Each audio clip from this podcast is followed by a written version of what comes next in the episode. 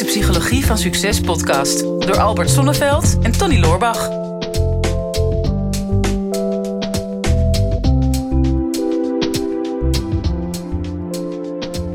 Wordt een interessant onderwerp uh, deze dag hoor, Tony. Ja, ja het gaat over uh, dingen kunnen onthouden. Oh. Maar dat was waarschijnlijk alweer vergeten. ik heb me wel heel goed op voorbereid. Ja. Maar ik ben nu ineens weer helemaal blanco. Het Ja. toch een soort van plankenkoorts. Ja, ja, ja, ja, ik heb dat ook wel eens hoor, dus dat is niet zo erg. Maar je bent niet de enige, Tony. Mhm. Want ook Tiemen, volgens mij is die fysiotherapeut. Ja, ik, ja, ik ga En- hem er even bij pakken. En die jongen die, eh, ja, die leest en luistert en kijkt alles wat los en vast zit. Mhm. En, maar misschien eh, kun je hem ook even voorlezen wat zijn specifieke vraag is. Ja, dat kan, dat kan ik. Hij zegt: eh, Hallo heren, ik luister graag naar jullie podcast. Als student fysiotherapie spreekt het ene mij meer aan dan het ander. Zo ben ik geïntrigeerd in het ontwikkelen van jezelf. Ik ben podcast aan het luisteren, boeken aan het lezen, informatie consumeren. Mijn vraag: hoe zorg je dat je de informatie die je uit boeken en podcast, et cetera, haalt, goed onthoudt slash toepast? Dus hoe onthoud je al die informatie? Ja, jee. Waarom zou je het überhaupt doen? ja, kijk, onze podcast, ja, dat zou ik wel onthouden. Maar eh, al die andere boeken, ach, beetje bijzaak. Ja, daar kun je beter van onthouden. Ja. ja, nou ja, wat, wat het is natuurlijk, eh, en dat is zeker wel in deze tijd, en ik snap het ook wel als je student eh, fysiotherapie bent, maar het geldt voor heel veel jo- jonge mensen, maar natuurlijk ook oudere mensen. Er is zo'n informatie-overkill. En er is aan de ene kant een soort FOMO, de fear of missing out, hè, dat je wil alles meenemen en onthouden. Maar de praktijk leert, wat mij betreft, toch wel dat. Ja, wat is nou uiteindelijk echt relevant wat je nog meeneemt voor de rest van je leven? Ik heb jarenlang, misschien wel 30 jaar lang lesgegeven. En dan stond ik een hele dag voor zo'n klas. En dan, ja, als je mensen later vraagt van... Goh, wat heb je onthouden van die les? Zeggen ze, ja, eigenlijk maar iets van 5% of zo. Maar dat was vooral het gevoel of die ene woord... of dat een, die ene zin die heeft me geraakt. En al het andere daaromheen, ja, dat ben ik alweer weg. Eh, Dat is alweer weggeraakt. En wat we met Zonneveld Opleidingen altijd zeggen tegen de studenten is van... ja, de echte formule om iets te onthouden... eh, en dat is ook wetenschappelijk onderzocht... betekent dat je ongeveer de, de lesstof moet aandienen in 20% theorie... 30% is feedback van je medestudenten of van je docenten... en 50% is ervaring. Dus als je eh, ja, graag wil dat iets onthouden wordt, of dat je iets aan het leren bent, en dat het echt permanent wordt opgeslagen in je systeem. Hè, ik zeg niet alleen in je brein, maar dat je ook bijna een soort celherinnering krijgt. 20% theorie, 30% feedback en 50% ervaring. En ehm, alleen maar theorie consumeren, en of dat nou via audio, eh, video of eh, via een boek is, dat maakt eigenlijk niet zoveel uit. Maar dan, ja, dan kun je onmogelijk al die informatie onthouden. Ja, ik heb die vraag heel veel gekregen toen ik ehm, die boeken challenge deed. Hè, 30 boeken lezen in zes weken. Er heel veel vragen van mensen van, ja, maar onthoud je dan ook alles? En Ah, ik denk, ja, die, die, die vraag heeft een soort van eh, verborgen boodschap. Meer van, ik zoek van jou toestemming om dit project niet zelf te gaan doen. Hè, want als ik zou zeggen, nee, ik onthoud er niks van. Dan denk je, oh ja, maar dan, dan ga ik dat niet doen. Die 30 boeken in zes weken lezen. En nee, na- natuurlijk onthoud je niet alles. Ehm, maar eh, ik vond het wel grappig. Ik, had, eh, ik was met dat experiment bezig. Of nee, was er vooral. Goed verhaal. Ja. Maar een tijdje geleden zat ik hier op, op kantoor. Vorige kantoor nog. Het wordt steeds ingewikkelder. Ik heb het niet heel goed onthouden allemaal. Maar ik zat op mijn vorige kantoor en er stond toen nog mijn boekenkast. En er stond een boek in van eh, Donald Trump, How to Get Rich. Volgens mij. En ehm, dat was volgens mij het allereerste businessboek wat ik kocht in 2007. En ja, die stond nog altijd in de kast. En Martijn, mijn compagnon, die pakte dat boek eruit. Zei, ja, heb je nou boeken van Trump, joh? Ik zei, ja, dat was allemaal nog voordat hij president werd. En ik zeg, nou ja, ik zeg, nu, nu lees ik dat niet meer zo. En ik zei, maar ik weet nog wel precies, eh, het was het eerste boek wat ik kocht. Dus ik weet de eerste alinea nog precies. Dus ik dreunde die eerste alinea op. En daarin stond volgens mij... ehm, I don't do it for the money. I've got enough. Much more than I'll ever need. I'll do it to do it. Deals are my art form. Ja. En ik dreun het op tot op de komma. En Martijn die stond er echt naast. En zoiets van, oké, maar dit is echt meer dan tien jaar geleden dat je hebt gelezen. Hoe kan jij tot op de komma nauwkeurig dit onthouden? Ik denk van, kijk hoe lang ik het vol kan houden. Om de illusie te wekken dat ik een fotografisch geheugen heb. en, dat, en dat, dat ik dat allemaal nog weet. Die was echt helemaal freaked out. En ik denk van ja, de reden dat ik dat onthouden heb, is niet omdat ik dat toen heb gelezen. De reden dat ik dat onthouden heb, is omdat ik jaren later Trump een keer heb horen spreken. En hij dit zelf zijn eigen boek aan het quoten was.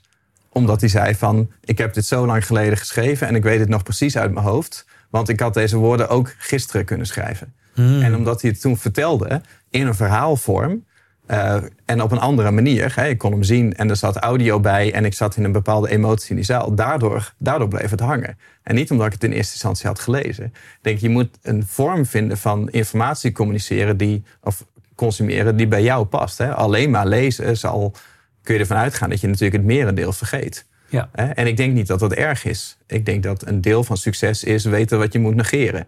Dat je alleen maar kijkt naar wat belangrijk is voor jou. Maar dat wat je wel wil onthouden, zul je in een bepaalde emotie moeten brengen. En nu had ik er geen controle op omdat uh, Trump dat zelf zo bracht. Jij legt net ook uit van zo leren wij onze studenten. Alleen wat als jij geen controle hebt over de vorm? In hoe de informatie tot je komt. Dan zul je zelf een manier moeten vinden om het bij je emotie te krijgen. In mhm. plaats van in jouw rationele brein. Ja, ja dat vooral. En um, ja, ik kan, ik kan goed moppen onthouden. Mm ik krijg dan altijd de vraag van ja, hoe onthoud jij nou moppen, Albert? Want ja, ik heb dan een mop gehoord en de volgende dag wil ik hem vertellen en dan, dan weet ik hem al niet meer. Of dan ben ik de clue alweer kwijt. En dat is een beetje hetzelfde ook. Um, en mensen die hier ook een beetje last van hebben dat ze geen moppen kunnen onthouden. Eigenlijk wel hoe, hoe dat werkt in mijn brein is, is als volgt. Meestal mensen die goed moppen kunnen onthouden, hebben ook een heel breed sociaal netwerk. Want als je een mop vertelt, je hoort hem op en je vertelt hem binnen een dag aan iemand anders, heb je natuurlijk wel een sociaal netwerk voor nodig. Ik heb nu toch een leuke mop gehoord. En je vertelt hem dan binnen drie dagen nog een keer en dan binnen een week. En dan nog een keer binnen 14 dagen en dan binnen een maand. Dan is die eigenlijk van je korte termijn geheugen naar je lange termijn geheugen gegaan. Mm En en dat is vaak wat er voor nodig is. Hè. Dus dan hoor je al een paar elementen die belangrijk zijn voor het onthouden van theorie. Sowieso, ja, een mop is al met een bepaalde emotie, want vaak mm. moet je erom lachen. En als die heel beroerd is, moet je natuurlijk verschrikkelijk huilen. Klopt. maar goed. en dan ehm, ja, de herhaling die erin zit, is natuurlijk van levensbelang. Maar ook de periode dat je hem herhaalt, is mhm. van groot belang. En dan die combinatie maakt dan dat, ja, en dan vervolgens ga ik ze nog uh, categoriseren. Dus ik heb een hele categorie dierenmoppen, een hele uh, categorie moppen over nonnen, een hele categorie over, nou ga ze maar door. Oké. En die zitten allemaal in, in een soort subdirectories in mijn brein. en dan, dat is heel, heel meta hoe je dit aanpakt. Ja, ja. En dan, ik, ik bereid het nooit voor, moppen. Nu snap ik ineens waarom dat zo ongelijk verdeeld is tussen ons. Ja, ja nou ja, goed. Dat is even een onthulling die, uh, waar de luisteraars en kijkers van mee mogen genieten. Ik heb jou ook nog nooit twee keer dezelfde mop horen vertellen. Nee. Ook niet twaalf keer. Nee, nee. Nou, dat betekent dat ik een groot sociaal netwerk heb. Of dat jij op heel weinig feestjes en partijen bent. Of dat ik een onderdeel ben van jouw sociale netwerk. Ja. Ik ben er vaak bij als jij iemand opnieuw ontmoet. denk ik, oh, daar gaat hij weer. Ja. ja. Nou ja, goed. Maar. Ja. goed. Uh, even een kleine zijstraat. Maar dat is dus blijkbaar hoe ons, ons brein werkt. Wat ik ook wel vaak doe als ik iets wil onthouden, dan koppel ik het aan een bepaalde plaats. Wat ik als ik studeer, dan doe ik dat heel vaak. Dan, dan probeer ik zo mijn huis voor te stellen uh, waar ik ben. En dan, ja, dan plaats ik bijvoorbeeld een bepaald begrip. Of als ik een nieuw buitenlands woord en in een bepaalde taal wil leren, dan koppel ik dat aan de bank of aan het toilet of aan. Uh, nou ja, het maakt niet uit waar, van de schemerlamp. Mhm. Soms hang ik dat woord ook even fysiek op die plek. Maar heel gek, als ik dan aan die plek denk, in één keer komt het woord weer terug. Ja. En vaak, en dat zul je ook wel eens meemaken, dat mensen naar je toe komen en zeggen: Oh, hoi, hoe is het met jou? En dan denk ik: Shit, waar moet ik die van kennen? Ja. En dan, uh, ja, want ik heb je toen en toen ontmoet. Maar dat zegt me dan vaak nog niks. Ik zeg maar, noem dan de plaats mhm. waar ik jou gezien heb. Ja, dat was toen op dat seminar. Of uh, nou, dat was in dat klaslokaal. En in één keer, boem, als de plaats eraan gekoppeld zit... in één keer komt al die informatie weer terug. Ja. En dan weet ik vaak letterlijk wat er toen in dat gesprek gezegd is. Mhm. Maar dat is dan bij mij weer... Dan, ik ben zelf niet zo goed in gezichten. Boeit me niet zo heel vaak. Nou ja, Mhm. jouw gezicht kan ik inmiddels onthouden, maar Ja, ik word s'nachts gillend wakker van, dit- van dit gezicht waarschijnlijk. badend in het zweet ook Ja. nog eens een keer. Maar ehm, ja, normaal gesproken ben ik niet zo van de gezichten, maar wel van de, van de plaats. En zeker ook eh, in mijn vak merk ik wel als, als ik echt me helemaal ook emotioneel verbind met eh, bijvoorbeeld mijn cliënt waar ik mee werk, dan weet ik letterlijk nog wat er in zo'n coachingsgesprek gezegd is. Ook al is dat tien jaar geleden. Ja. Nou ja, je moet het denk ik, eh, je moet het een unieke factor geven. Ja. Ehm, want ik merkte dat eh, wij hadden deze week hadden wij een online seminar en ik kwam in de Q&A op het einde kwam iemand online en ik herkende de naam. Ehm, en ik zei tegen hem van, oh hey, ik zie je naam voorbij komen. Ik weet nog, jij was in 2009 was je op een seminar van ons. Toen eh, was je met eh, eh, WordPress bezig om mensen met WordPress te helpen. Dan denk ik, ja, dat weet ik nog. Maar van heel veel daarna, klanten, mensen op evenementen zo, weet ik allemaal niet meer. Denk, waarom weet ik dat nog? Omdat dat in de beginfase was dat seminars toen nieuw waren. Die waren toen uniek. Die waren allemaal anders. Die waren memorabel. Maar als jij eh 40 keer hetzelfde evenement in dezelfde zaal hebt gegeven, dan gaan die herinneringen, die gaan, die gaan zeg maar in elkaar. Dat, dat ehm, ik leerde dat in dat boekje eh, Moonwalking with Einstein. Gaat erover hoe je geheugen kan trainen. Ehm, dat vond ik echt een fascinerend boek. Dat ging heel erg hierover, over hoe maak je iets memorabel. Daar stond bijvoorbeeld in, hè, als jij eh, naarmate je ouder wordt, heb je het idee dat de tijd steeds sneller gaat. Ja. Maar, de, maar de tijd gaat niet sneller. Nee, oh, ik heb die ervaring. Die ik Ja. dacht, ja, ja. Alleen in jouw perceptie. Maar zelfs niet eens terwijl je de week meemaakt, gaat de tijd sneller. Maar de tijd gaat sneller als je terugkijkt. Dan heb je het idee van waar is de afgelopen week gebleven? Waar is het afgelopen jaar gebleven? Nou, waarom is dat? Omdat je naarmate je ouder wordt steeds meer dingen doet die je heel vaak doet. Waardoor die herinneringen samenvoegen tot één massale herinnering. Als jij een week lang elke ochtend precies hetzelfde ontbijt eet, dan weet je aan het einde van de week weet je niet alle zeven momenten meer. Dan is dat één herinnering geworden. En omdat je steeds minder dingen voor het eerst gaat doen, worden ze steeds minder memorabel. En omdat ze minder memorabel zijn, herinner je ze niet meer. En daarom lijkt het alsof je een hele korte week hebt gehad. Daarom Ja. lijkt het leven sneller te gaan. Briljant, Tony. En nou snap ik ook een beetje, want eh, ik heb ooit een horoscoop laten maken.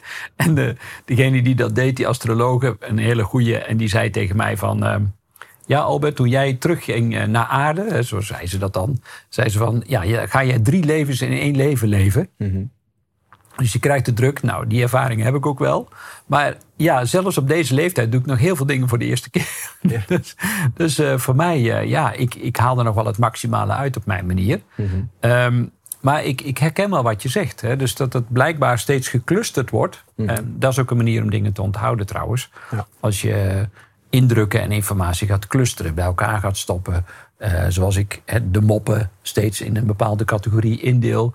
Ja. Je brein houdt daarvan, want dat is super efficiënt en het kost gewoon minder energie op die manier. Ja, alleen je, je brein onthoudt eigenlijk geen statische informatie. Ehm, ja, als jij eh, misschien vroeger op school eh, rijtjes met woorden en de tafels erin hebt moeten rammen. En je hebt echt, echt op zitten focussen. Misschien dat dat dan altijd bij je blijft. Maar als jij gewoon een boek leest, statische informatie, dat, dat, blijft, dat blijft niet hangen. Wat, wat je wel onthoudt zijn verhalen. Op de een of andere manier, als iemand jou een keer een verhaal heeft verteld en, en dat verhaal maakte een emotie los. Spanning, eh, humor, eh, of, eh, Verdriet. ontroering, verdriet, Ja, ja. walging. Ja. Dat soort emoties. Die verhalen blijf je altijd bij. Die kan je misschien twintig jaar later, kan je maar zo dat verhaal bijna letterlijk navertellen. Ehm, of als je het visueel kan maken, bijvoorbeeld in je brein. Hè, En dat, dat, jij vertelt dat ook van, hey, ik koppel het aan een plaats. Ehm, dat, werd, dat, dat stond ook in het boek Moonwalking with Einstein. Hè. Als jij een heel pak kaarten uit je hoofd wil leren met precies de volgorde waarop die kaarten liggen, dan onthoud je niet die kaarten, maar je verbindt dat aan iets wat je visueel maakt in je brein. Hè. Dus je beeldt je bijvoorbeeld een, een ruimte in met allerlei verschillende objecten en alles is aan een bepaalde kaart gekoppeld. Ik heb dat ehm, deze week ook in een neuromarketing training heb ik dat gedaan. Ik wilde mensen vier, vier tips geven of eh, vier hoofdredenen om waarom mensen nee zeggen tegen je product. Hè. Hoofdredenen, psychologisch. Ja, ja, dat is Briljant briljant. gevonden. Ja. En ik denk, maar dit gaan ze niet onthouden. Dus wat ik eerst had gezegd, van nou, voordat ik je die vier eh, factoren ga geven, hè, waar je op moet letten in je marketingboodschap, beeld je even in dat jij een, waar ik heel uitgebreid uitgelegd, hele visualisatie, ogen dicht van, hè, beeld je in dat je een hal inloopt. In die hal hangt een grote spiegel. Nou, even de verkorte versie. Daarna kwamen ze dan in een kamer die dan enerzijds donker was en de anderzijds was licht. Daarna kwamen ze in een kamer met uh, een, een ravijn erin en een, een lavavloer. En daarna kwamen ze in een kamer waar een feestje werd gevierd en iemand met een spandoek staat van hé, hey, tof dat je bent, zeg maar zoiets. Maar dat had ik heel uitgebreid uitgelegd en helemaal in detail laten visualiseren. En vervolgens gaf ik die vier factoren en die waren allemaal gekoppeld aan zo'n ruimte. Hè? Van nou, die spiegel die staat voor herkenning. Hè? Je klant moet zich in jouw verhaal herkennen. Die kamer met wat contrast of die donker licht, dat staat voor contrast. Mensen moeten het verschil zien tussen jou en de concurrent of tussen hun situatie en jouw situatie. Dus had ik voor elke kamer had ik iets. En die lava dus, en die ravijn? Die stond voor risico. God, hè, dat je dat nog hebt onthouden. Ja, ja, ja. Dus, dus, dus zeg maar dat, dat, dat mensen om een product te kopen, voel je vaak een risico. Dat is spannend om over dat ravijn heen te hmm. stappen. Maar jij moet ervoor zorgen dat het ook te spannend wordt om te blijven staan. Dus die vloer moet steeds heter worden, zodat je uiteindelijk wel daar overheen gaat. En, en dat van dat feestje, dat ging over de succesgarantie. Je moet, je moet jouw klant laten zien dat de kans op succes met het product zo groot mogelijk is. Dus je moet de juichende klanten laten zien die dat product al met succes hebben gebruikt. Ja, het is zo gaaf, Tony. Nu, nu dat je dat al vertelt met dit verhaal erbij, die beelden. Ik doe ondertussen gewoon mee. Ik, ik, heb, mhm. ik heb dat niet geluisterd, dat seminar, sorry. Iedereen maakt fouten in zijn leven. Ja, nee, geeft niet. Maar het, het grappige is, dit blijft mij ook al bij. Ik denk, oh ja, shit, ja, dat is eigenlijk zo simpel ook. Ja. Maar doordat het visueel is, het is in een bepaalde volgorde. Uh, je vertelt jou de verhaal erbij. Nou ja, dan heb je het gewoon op allerlei manieren geborgd voor je brein. Om het ook te kunnen blijven onthouden. Ja, en als je daar dan dus achteraf over na gaat denken, dan, dan visualiseer je weer die kamer. Want dat is niet zo moeilijk te onthouden. En dan weet je nog weer van, oké, waar stond dit symbool voor? En dan komt vaak het verhaal erbij. En als ik alleen maar statische informatie had verteld, ook daarbij horend, dan was dat moeilijk geweest. Ik heb geprobeerd om dan weer bij iedere kamer een anekdote te vertellen. Waar het inzicht in zat, wat, wat eigenlijk symbool stond voor die kamer. Hmm. En dat kun je natuurlijk als trainer kun je dit doen. Hè, als je wil dat mensen meer jouw informatie onthouden. Maar de vraag is natuurlijk, hoe zorg ik dat ik meer onthoud van alles wat ik lees? Nou, door dit soort dingen voor jezelf toe te gaan passen. Hè, dat je in eerste instantie weet wat je moet negeren. En datgene wat echt belangrijk voor jou is, dat je gaat kijken van... kan ik een, verhaal vinden of een, een, een, metafoor vinden... of kan ik een, een visueel beeld maken voor mezelf... waar ik deze informatie even in plaats uh, voordat ik verder ga. Ja, ja, en, en er zijn heel veel tips hoor. Maar eh, hè, misschien heb je inmiddels wel begrepen, wil je echt iets onthouden, dan zul je allebei je hersenhelften moeten inschakelen. Dus niet alleen maar die analytische linker hersenhelft, mm waarin je rijtjes leert, maar er, hè, er, hoort ook een beeld bij. Dat zit veel meer in die rechter hersenhelft. In praktijk is het veel ingewikkelder dan dat. Anders krijg ik dadelijk uh, dokter Swaap hierover mee. iemand, iemand anders die dan zegt, ja, uh, je, je brein is veel complexer. Is ook zo. Maar visualiseren, inleven, emoties eraan toevoegen, is van essentieel belang om sowieso de informatie tot je te krijgen. En je hebt denk ik een aantal hele mooie voorbeelden gegeven daarvoor. Ja, en dan ja, zijn er allerlei andere dingen die. Wat ik vaak deed ook als ik dingen wil onthouden, is dan ga ik kruislopen. Weet je wat dat is, uh, Tony? En dat is niet omdat ik hele korte beentjes heb. Of omdat je heel nodig naar de wc moet. Nee, nee, nee. Mag ik, als ik bijvoorbeeld informatie wil gaan herinneren, dan, uh, dan doe ik dat terwijl ik loop. En dan tik ik met mijn linker of met mijn rechter elleboog mijn linker uh, knie aan. En met mijn linker elleboog mijn rechterknie. En dan ga ik gekruist bewegen. En waarom doe ik dat nou? Om je hersenhelften te verbinden allebei mijn hersenhelften met elkaar te verbinden. Sowieso bewegen is super belangrijk. Mhm. Maar door ze dan ook nog heel bewust, hè, want je kunt op een fiets gaan zitten luisteren naar een podcast. maar dan maak je eigenlijk uh, bewegingen die niet kruisling zijn, maar dan is het nog steeds lateraal. Mhm. En juist door ze gekruist allebei de hersenhelften tegelijkertijd te activeren, hè, uh, door bijvoorbeeld inderdaad die kruisbeweging te maken, voor, achter, links, rechts. Je kunt op allerlei manieren kun je die bewegingen maken zul je ook merken dat je veel makkelijker dingen kunt onthouden. Mhm. En dan zijn we er nog niet. Ja, want we nog iets vergeten. we zijn nog iets vergeten, Tony. Is, het helpt wel als je een beetje uitgerust bent. Mm. En, uh, want in je slaap is er natuurlijk ook een prachtig uh, moment voor je brein om dingen weer letterlijk en figuurlijk te, te herstructureren, te rangschikken. Inderdaad, in die verschillende subdirectories in je brein te plaatsen.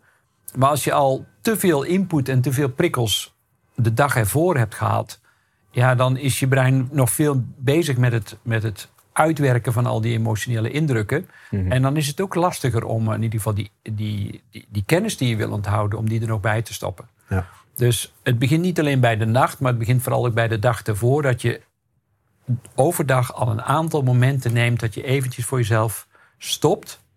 Een herstelmoment pakt. En voor jezelf nagaat, goh, wat heb ik tot nu toe geleerd? Of wat is wat ik graag zou willen onthouden? Of wat is nou de nugget of wisdom? Wat is nou de kern die ik eruit heb gehaald? Uit dit gesprek, uit dit verhaal, of uit dit boek, of uit deze podcast. Mij helpt het ook altijd nog wel even om het op te schrijven. en, en, het dan op een, en daar dan meteen ook een, een beeld of een metafoor bij te maken. Zodat ik zeker weet, oké, nou, dat is al, ergens is dat al gecategoriseerd. En als ik dan ook nog de tijd neem om rustig te gaan slapen, dan kan het daarna nog letterlijk op zijn plek vallen. En als ik het de dag daarna en misschien nog een aantal dagen daarna nog een paar keer herhaal, dan is het geankerd voor de rest van mijn leven. Ja. Nou, ik, ik, ik weet zeker dat mensen dit allemaal gaan onthouden, deze podcast. Tenminste, kijk, als je hem nou hebt zitten luisteren, de podcast, dan is het natuurlijk maar op, op een vorm bij je binnengekomen. Dus dan vergeet je waarschijnlijk de helft. Maar als je hem hebt zitten luisteren en hebt zitten kijken op YouTube, dan is de kans dat je uh, meer gaat onthouden uit deze podcast natuurlijk veel groter. Hè? Als je ondertussen ook nog aantekeningen hebt zitten maken, of je hebt mee zitten visualiseren, of je hebt er een ander beeld bij gevormd, dan is die kans natuurlijk nog groter. Dus ik raad je aan om, uh, om uh, ja, eigenlijk altijd naar ons te gaan kijken. Ja. Dat is eigenlijk de, dat is gewoon de beste boodschap. En om te bewijzen dat je gekeken hebt, laat even een reactie achter op YouTube onder deze video. Klik even op het duimpje, dan weten wij dat je gekeken hebt en dan hebben we daar alle vertrouwen. Dit is de Psychologie van Succes podcast door Albert Sonneveld en Tony Loorbach.